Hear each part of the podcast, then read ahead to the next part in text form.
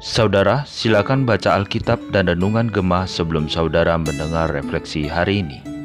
Shalom, salam sejahtera saudara-saudara yang terkasih di dalam Tuhan di mana pun saudara-saudara berada.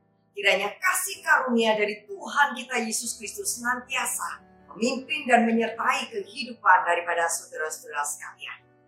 Tema perenungan refleksi Gemah hari ini adalah Tuhan, Gembala yang baik. Mari sebelum kita membaca dan merenungkan kebenaran firman Tuhan, terlebih dulu kita berdoa. Terangi mata dan hati kami untuk siap membaca dan merenungkan kebenaran sabdamu ya Tuhan. Agar kami boleh menapai hari-hari kami bersama dengan terang firman-Mu. Di dalam nama Tuhan kami Yesus Kristus, kami berdoa. Amin. Pembacaan Alkitab hari ini diambil dari kitab Yehezkiel pasalnya yang ke-34. Saya akan membacakan ayat 15 sampai 16, kemudian dilanjutkan ayat 30 sampai ayatnya yang ke-31. Demikian firman Tuhan.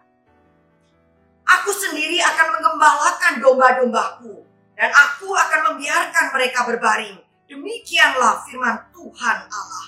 Yang hilang akan kucari, yang tersesat akan kubawa pulang, yang luka akan kubalut, yang sakit akan kukuatkan, serta yang gemuk dan yang kuat akan kulindungi. Aku akan mengembalakan mereka sebagaimana seharusnya, dan mereka akan mengetahui bahwa aku, Tuhan Allah mereka, menyertai mereka, dan mereka kaum Israel adalah umatku. Demikianlah firman Tuhan Allah. Kamu adalah domba-dombaku, domba gembalaanku, dan aku adalah Allahmu. Demikianlah firman Tuhan Allah. Amin. Lembaga Alkitab Indonesia memberikan judul di dalam perikop ini Tuhan Gembala Israel yang baik melawan gembala-gembala yang jahat. Dalam bagian ini Allah menyampaikan perumpamaan tentang dua jenis gembala yaitu gembala yang jahat dan gembala yang baik.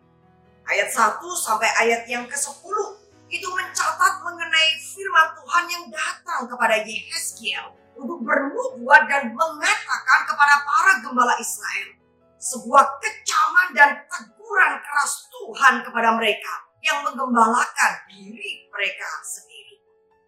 Saudara kata celakalah di dalam ayat 2 ini menunjukkan bahwa Tuhan sangat marah dan tidak menyukai para gembala Israel karena mereka tidak menggembalakan domba-domba dengan baik. Mereka tidak mementingkan kesejahteraan domba-domba, tetapi justru malah menggemukkan diri mereka sendiri. Saudara, siapa para gembala yang dimaksudkan di dalam perikop ini? Bila kita melihat konteks dekat dari perikop ini dan juga catatan dari beberapa bagian kitab Yeskiel pada pasal-pasal sebelumnya, maka kita mengerti bahwa yang dimaksud dengan para gembala tersebut adalah para raja atau para pemimpin kerajaan Yehuda. Para gembala jahat ini merupakan pemimpin-pemimpin politik dan pemimpin agama Israel yang telah gagal memelihara umat Allah. Mereka dikecam keras karena tidak menggembalakan domba-domba dengan baik. Sebagai gembala yang seharusnya itu mengayomi, melindungi dan menggembalakan kawanan domba-dombanya. Tetapi justru mereka tidak memedulikan akan para kawanan domba ini. Bahkan malah mereka menindas dan menyesatkan mereka. Setelah di dalam ayat yang keempat firman Tuhan mendeskripsikan tindakan dari para gembala yang tidak menggembalakan domba-domba ini sebagai berikut. Yaitu domba-domba yang lemah tidak dikuatkan, yang sakit tidak diobati, yang luka tidak dibalut. Domba-domba yang tersesat tidak dibawa pulang, yang hilang itu tidak dicari.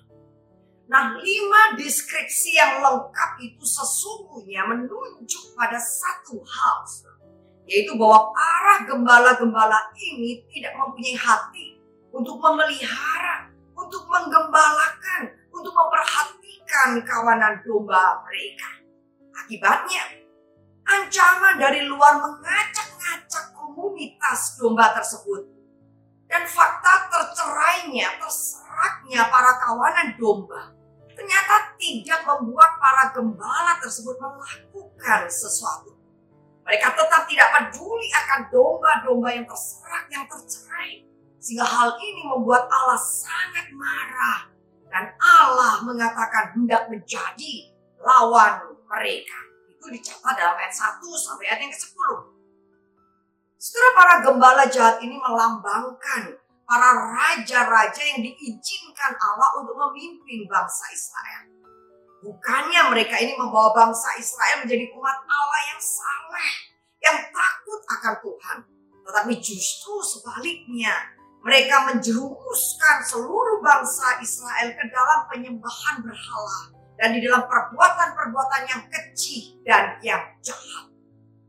Allah sendiri akan menurunkan mereka dari tahtanya dan Allah yang akan menjadi gembala bagi umat Israel.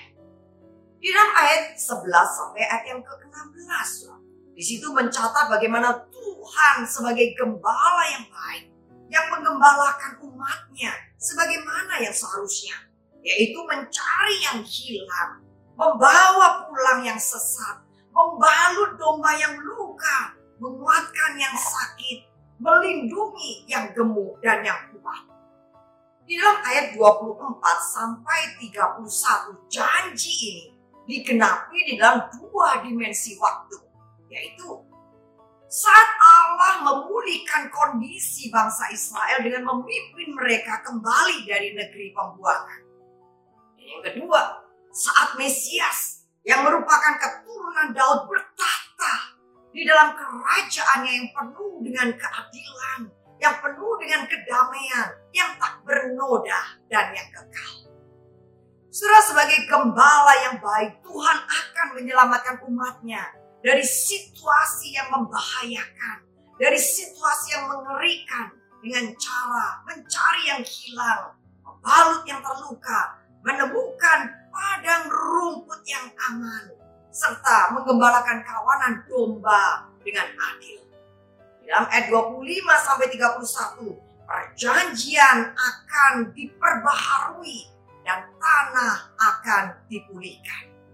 Di dalam perjanjian baru Tuhan Yesus menggenapi nubuatan di atas dengan menjadi gembala yang baik, gembala yang mati bagi domba-dombanya. Yohanes pasal 10 ayat yang ke-11 di situ dituliskan, Akulah gembala yang baik, gembala yang baik, memberikan nyawanya bagi domba-dombanya. Saudara sebagai domba yang sudah ditebus oleh darah gembala yang baik itu. Kita bukan hanya mendapatkan jaminan kekal menjadi warga kerajaannya. Namun demikian, kita juga perlu belajar untuk menjadi domba yang baik. Melalui kehidupan kita yang taat kepada kehendaknya, yang taat akan pimpinannya. Tuhan adalah gembala kita yang baik dalam kehidupan pribadi saudara, saudara juga sudah menjadi domba yang baik? Mari kita tundukkan kepala, kita berdoa. Terima kasih ya Tuhan, Engkau adalah gembala kami yang baik, yang memedulikan dan yang memelihara kami. Jadikan kami kawanan domba gembalaanmu yang baik. Domba-domba yang taat akan titah-titahmu Biarlah kiranya firman ini meneguhkan iman kami. Untuk kami tidak takut menjalani hari-hari kami. Walaupun di tengah kondisi dunia yang penuh dengan bahaya dan yang tidak menentu seperti ini. Karena engkau Tuhan adalah gembala kami yang baik. Yang senantiasa berjalan beserta dengan kami. Terpujilah namamu. Di dalam nama Tuhan kami Yesus Kristus, gembala kami yang baik. Kami berdoa. Amin. Selamat menapaki hari-hari bersama Tuhan, gembala kita yang baik. Tuhan memberkati.